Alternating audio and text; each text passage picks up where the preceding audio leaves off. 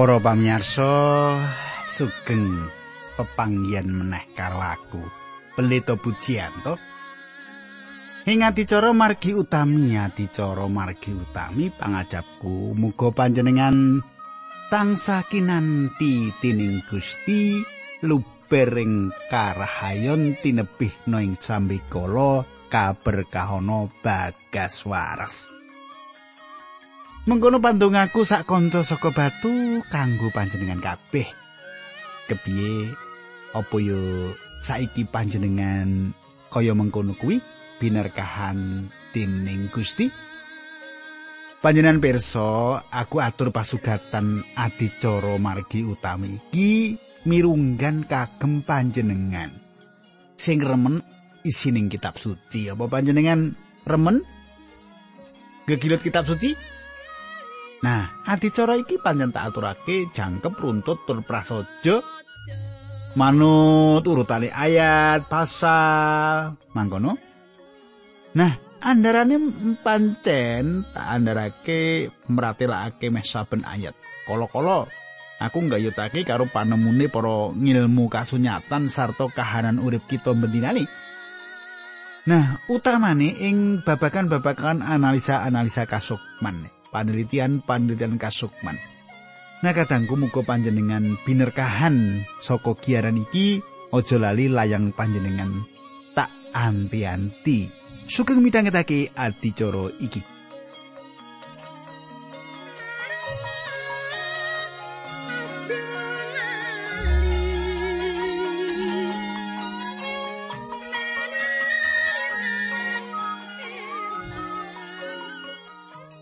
Katangku kiaran kepungkur kita wis nyinau panggenepi kawujudane weca saka perjanjian lawas nganti tumeka babaring Gusti kita Yesus Kristus.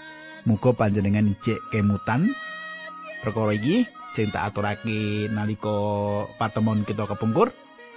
Nah, saiki aku arep ngaturake marang panjenengan bab nggone Gusti Yesus ngungsi dalah Yusuf lan Maryam menyang Mesir. Banjur diterusake bab Yohanes Pembaptis. Nanging sadurunge tak teruske monggo kita ndedonga dhisik. Kanjeng Rama ing swarga ngaturaken gunging panuwun ingkang tanpa upami dene wekdal menika kawula saged tetunggilan kalian sederek kawula ingkang gadah raos kapang maos kitab suci paduka. Kawula pasrahaken wonten ing asta paduka Gusti linambaran asmanipun Gusti Yesus nyuwun tuntunanipun paduka. Haleluya. Amin.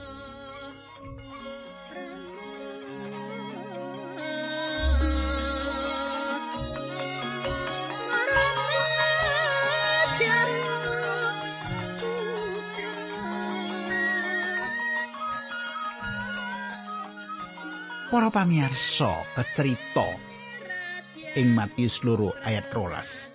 Tak waca iki. Ing basa pedinan. Nalika mulih para ahli parintangan mau padha ora metu ing dalan sing maune dilewati.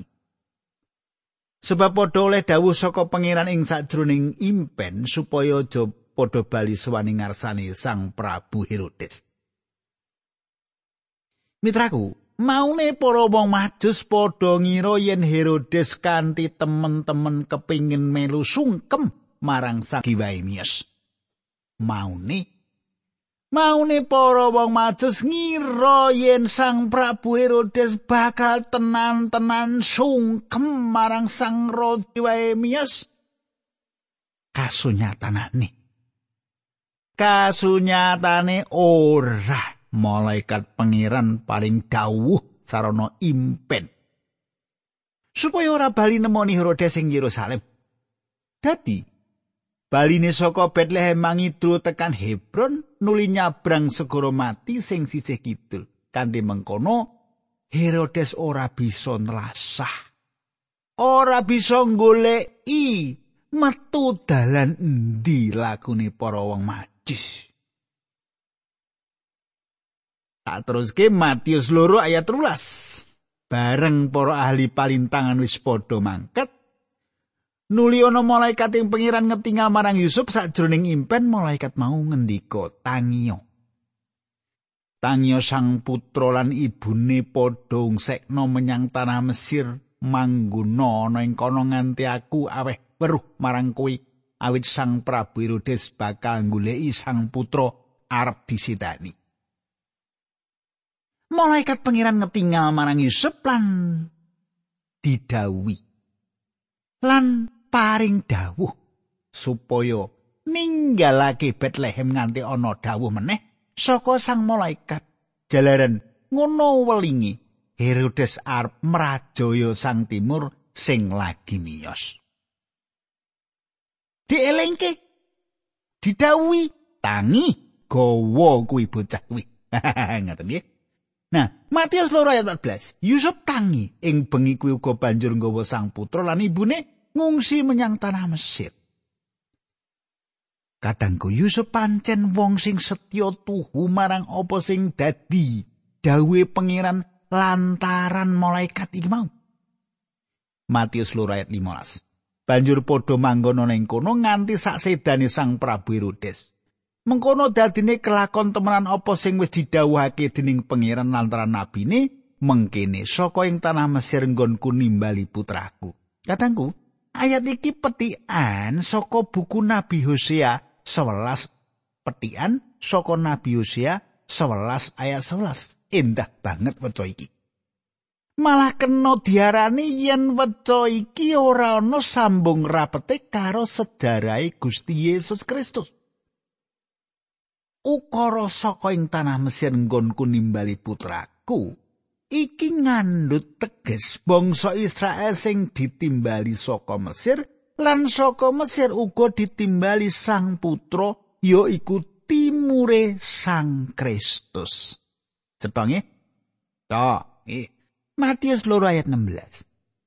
Sang Prabu Herodes duka banget sebab perso yen diapusi dening para ahli palintangan saka ing tanah wetan mau. panjenengane banjur dawuh mateni sake bocah lanang ing kutha Bethlehem lan sakiwa tengeni sing umure rong taun sapengisor manut petungan wektu sing dikandhakake dening para ahli palintangan mau. Mengkono unine ayat 16. Katrangan-katrangan iki saperangan mung arupa panemu, nanging uga pancen dadi bukti kasunyatan.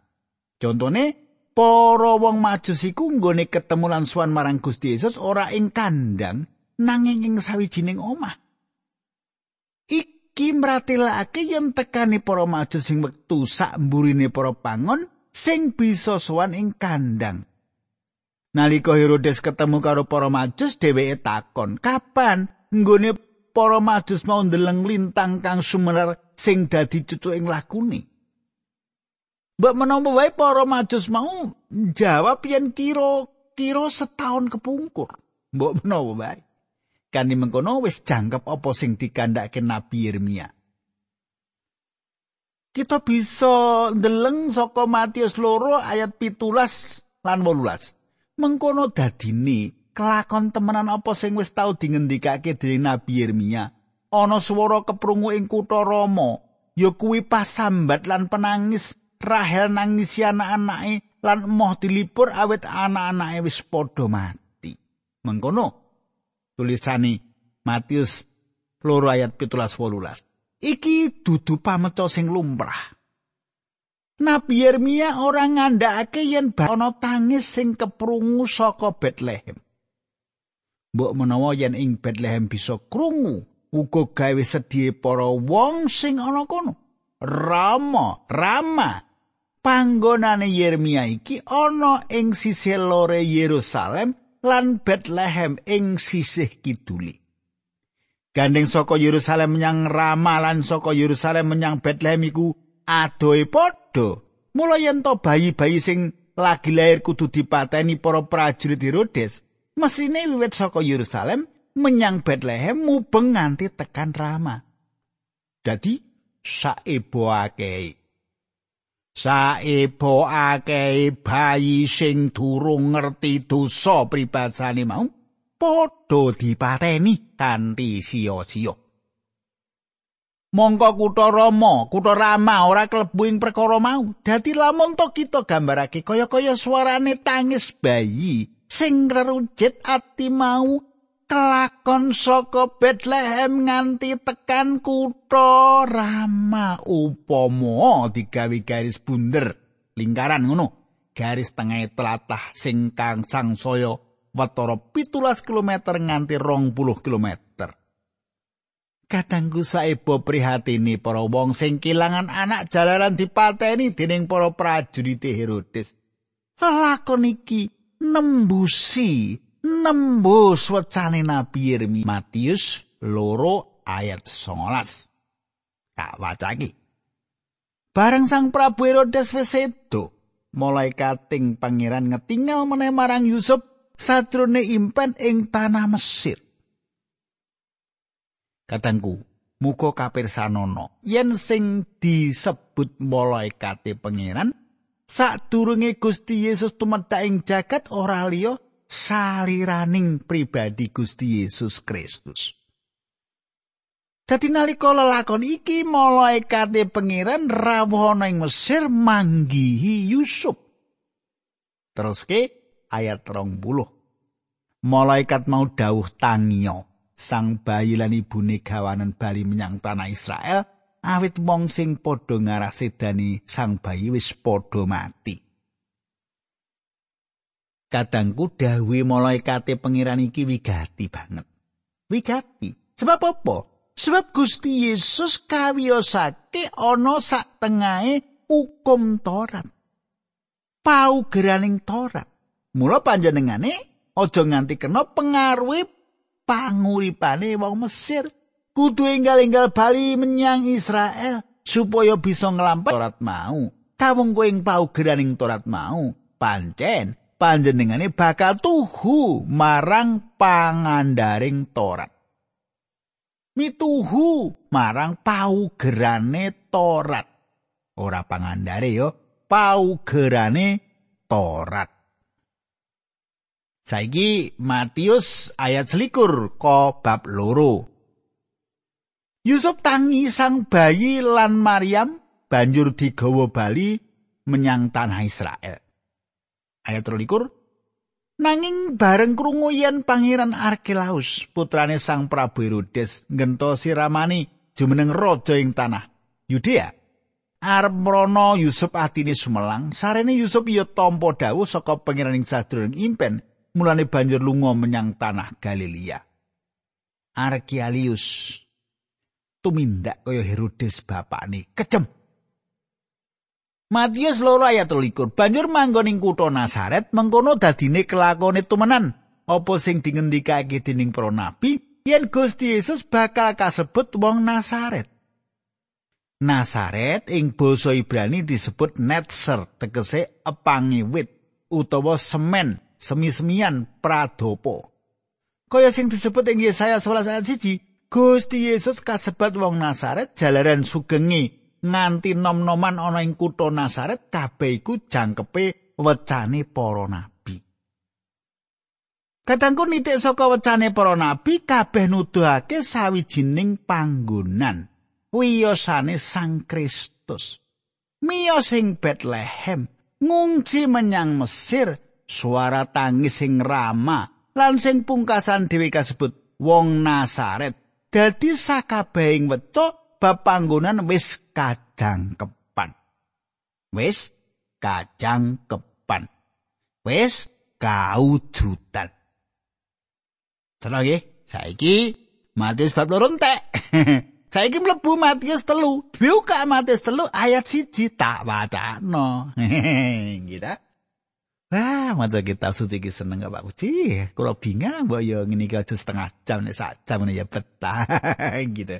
Matur nuwun ngiseni panganan jiwa kok bosen iki kepiye gitu. Nah, tak baca iki. Ing nalika semono Nabi Yohanes Pembaptis rawuh ing ora-ora samud ing tanah Yudea lan memulang ana ing kono. Kadangku, tanpa kenyono-nyono. Tanpa kenyono-nyono Yohanes Pembaptis katulis ing kitab suci ing Injil Matius. Saka ngendi asal usule? Saka ngendi? Matius ora jelasake ora paring keterangan apa-apa. Nanging ing buku Maliaki wis menehi pratandha bab bakal tekani Yohanes Pembaptis iki. Pamane tak wacake yo. Maliaki telu ayat siji. Pangeran kang Maha Kuwasa paring wangsulan mengkene, aku bakal ngutus utusan sing ngrata dalan sing bakal ndak ambah. Pangeran sing kok golek kuwi bakal rawuh dadakaning pedalemane. Utusanku sing kok arep-arep tekane mau bakal kok deleng lan kuwi sing bakal medharake perjanjianku. Utusan sing dikersake dening Malayaki yaiku Yohanes Pembaptis. Upamane ana pegawe kantor pos sing ngeterake paket ing dalem panjenengan. Apa panjenengan kudu nresehake riwayate tukang pos sing nggawa paket mau? Pak, jenengan daleme pundi? Putrane pinten? Garwane sinten? Asline pundi? Mbok cobi jenengan critakake nalika tesih jenengan enem ngantos sakniki dados pegawe pos niku critane pripun? Mesti ora ngono to nggih Mesine kan ya ora. Ora satakon ngono. Nah, sing dudut ati panjenengan, sing narik kawigaten panjenengan, rak pakete kuwi to. Ora tukang pos to. Nah, sawise panjenengan tompo panjenengan kondo matur nuwun, Pak. Ngono wis cukup. Lan urusane wis rampung. Ora satakok. Riwayat uripe pegawe pos kuwi mau. Cetha ya. Iki nceritake Yohanes Pembaptis ya. Yohanes Pembaptis kok ora diceritake wonten ngene to, Pak? Wonten ngen Injil Matius pripun to, Pak? Ora perlu. Isine sing perlu kuwi. gitu. Nah, Yohanes Pembaptis pancen wis kanthi cetha kandha yen mung utusan bae. Aku ki mengutusan, sing penting sing ngutus aku dudu aku. Nah, Mulane sawise ana kalodhangan ketemu karo sing padha nampa kiriman pawarta mau, padha mratobat sebab kratone swarga wis cedhak. Coba ayo kita semak apa sing di kandhake dening Yohanes Pembaptis mau meratobat kratone swarga lan wis cedhak. Ukara telu iki wigati banget. Wigati. Tembung mratobat iku ditujokke marang para mate Allah supaya padha ngowahono uripe sing blasar dadi urip sing utama urip sing nyondongi kersane Allah. Iku mratobat nek main kartu niku nyondongi kersane Allah mboten Pak Puji? Ngono kuwi ora satakok kok eh Rasa takut ngono iki luar lagi Gusti Allah orang gitu. Hati-hati, ngati-hati. Tembung meratobat iku ditujokke marang umat Allah. Tembung meratobat yaiku supaya umat Allah padha ngowahono uripe sing blasar dadi urip sing utama nyondongi kersane Allah. Coba. Ayo kita deleng apa sing dikandhake dening Yohanes Pembaptis. Meratobat kratone swarga wis cedhak. Katanggu meratobat iku kudu dialami saben wong sing percaya marang Allah ing sajrone Yesus Kristus. Ora ana bedane lanang, wadon, tuwa, enom, kabeh kudu mertobat. Para wong percaya sing imane sing kapiandele adem-adem panas uga perlu mertobat. Kaya sing didhawuhke dening Gusti Allah ing Wahyu pasal loro lan telu. Sepisal maneh ndak aturake yen saben wong kudu percaya marang Yesus Kristus Sang Juru Wilujeng supaya uripe nampa kawilujengan langgeng. Sing durung percaya yen kepengin selamat uripe ing delahan ing urip kang langgeng percaya lan pasrah urip iki ing ngarsane Sang Kristus. Ning nek jenengan kepengin urip langgeng saebo endahe yen para kagungane Allah iki padha mertobat kanthi mengkono nggone manjing percaya ora mung lelamisan bae. Nanging anggone percaya iku nganti trusing batin. Trusing batin? Nah bab keraton ing swarga iku njarwake anane kasuwargan ing bumi iki lan Gusti Yesus Kristus sing jumeneng dadi raja dadi ratu gung binatara. Iki ngandut teges yen ing pribadine sang raja mau kinantenan kratone swarga kasuwargan ya ana ing salirane sang raja yaiku Gusti Yesus Kristus mau Keraton swarga yaiku pamrentahane kasuwargan sing ana ing bumi. Ora dumadi ing dinane iki nanging wis dumadi ing atine saben wong pracaya.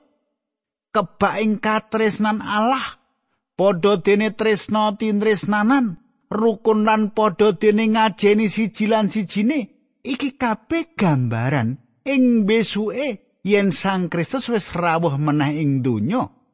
Ing mengkone yen Kristus wis tumedhak sing kapindho kabeh kadurakan bakal disapu ditumpes tapis lan kori tobat wis diinepake nek wis ditutup kori tobat wis ditutup wis ora ana wewengan maneh. Eh ora ana lawange meneh. Ora ana cara liya kanggo slamet. Mumpung durung ditutup mumpung duru diinepke saiki wancini jenengan bertobat nampa Gusti Yesus Kristus de Gusti kula sakniki nampi paduka dados juru wilujeng kula kok Gusti? Gusti. Nggih sinten malih ingkang dados sendenan kula menawi mboten paduka. Wah kula badhe mertobat kula badhe ngicali sedaya. Tindak awon kula kok Gusti? Gusti. Jenengan nampa kasuwargan? Adangku. Apa sing ditulis ing Injil Matius iki saka weca sing dikandhake sing dipratelake dening para nabi Coba panjenengan sama Matius telu ayat telu. Nabi Yohanes kuwi pancen wong sing wis diweca rawuh dening Nabi Yesaya mengkini. ana wong wuwuh ing ora samun padha nyawisno dalane pengiran lencengno lan ratanen dalan sing bakal diambah nah iki cunduk karo sing dikandhakake ing Yesaya patang puluh ayat telu ana swara mengkini nyawisno dalan sing diambah tining pengiran ana ing ora samun dalan ing ora samun sing kagem Allah ratanen kabeh iku mau werdine nyiapake nyawisake dalan kagem Allah. Matius 3 ayat 4. Nabi Yohanes kuwi agemane digawe saka wulu unta, sabuhe saka lulang sing didahar walang lan madu alas. Ngedapi-dapi katangku. Ngedapi-dapi luar biasa ning aneh. dahare walang lan madu alas agemane welulang unta kaya ngopo ya wujude kaya apa jalaran daharan agemane saanane ing batin kita mbok menawa ngabarake wong pepriman kiri ora tau nyukur rikmane jangkep persis kaya kahanane wong-wong ing perjanjian lawas Yohanes Pembaptis sing perjanjian lawas sing saiki mlebu kahanan perjanjian anyar Yohanes Pembaptis iki nabi perjanjian lawas sing pungkasan. Matius 3 ayat 5. Akeh wong sing marani nabi Yohanes mau saka kutha Yerusalem saka tanah Yudea lan saka wilayah sakiwa tengene kali Yarden. Katangku sajake akeh sing padha teko marani Yohanes Pembaptis kabeh teko tanpa woro-woro, tanpa uleman, tanpa undangan. ora dianakake ing mall utawa auditorium sing wah nanging ing ora-ora samun. Yohanes Pembaptis ora teka menyang kutha nanging padha nekani yen ora jalaran panguasane Roh Allah ing uripe mokal dadi golekane para wong sing goleki dalan sing bener marang Allah. Matius 3 ayat 6 wong-wong mau padha ngakoni dosa-dosane banjur padha dibaptis dening Nabi Yohanes ing Kali Yarden. Katengku, kedadian sing hebat. Akeh sing padha mertobat, padha pasrah urip ing Allah lan setya mlaku ing kebenaran nuli banjur kabaptis. Matius 3 ayat 7. Uga akeh wong Farisi lan wong Saduki sing padha teka marani Nabi Yohanes nyuwun dibaptis.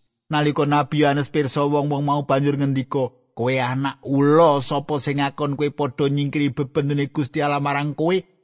Ayat 8 buktekno srana kelakuanmu yen kowe wis mertobat temenan. Katangku sapa wae sing padha teka marani Yohanes Pembaptis? Meh sakabeh golongan. Ana parisi ana saduki apa khotbah Yohanes Pembaptis kanthi alus lan anda pasor ora malah ngowo-owo marang wong kabeh. Yen kowe anak ula sapa sing ngakon kowe padha nyingkiri bebenene Gusti Allah marang kowe Buktekno srana kelakuanmu yen kowe wis mertobat temenan. Iki khotbah sing cokmol. Ora tadi ngaling-aling. Kondo panani. Buktekno pamratobatmu. Hebat. Cetha. Jelas. Ora nganggo basa basi. Ya. Matius 3:9. Aja ngira yen kowe bisa benerake awakmu dhewe ana ngarsane Gusti Allah srana muni, aku rak tedak turune Abraham. Ngerti yo? Yen Gusti Allah kuwaos nganakake turune Abraham saka watu-watu iki, Ayat 10. Watunge wis cumepak kanggo negor wit ing poing ayote. Saben wit sing ora ngetokake wa becik bakal ditekor lan dibuang ing geni. Kangku ana paukuman sing bakal teko. Yen wohing urip kita ora cocok, ora cunduk karo pamratobat kita, mula kita bakal nampa paukuman. Muga panjenengan binerkahan ayon tetunggu. Kanjeng Rama swarga kawula ngaturaken kuing panuwun. Pangandikanipun Gusti ingkang sampun kawula daraken. Supados Gusti piyambak ingkang jlentrehake kanthi cetha kangge sedherek kawula menika. Linambaran asmanipun Gusti Yesus Kristus kawula tunggu. Haleluya. Amin.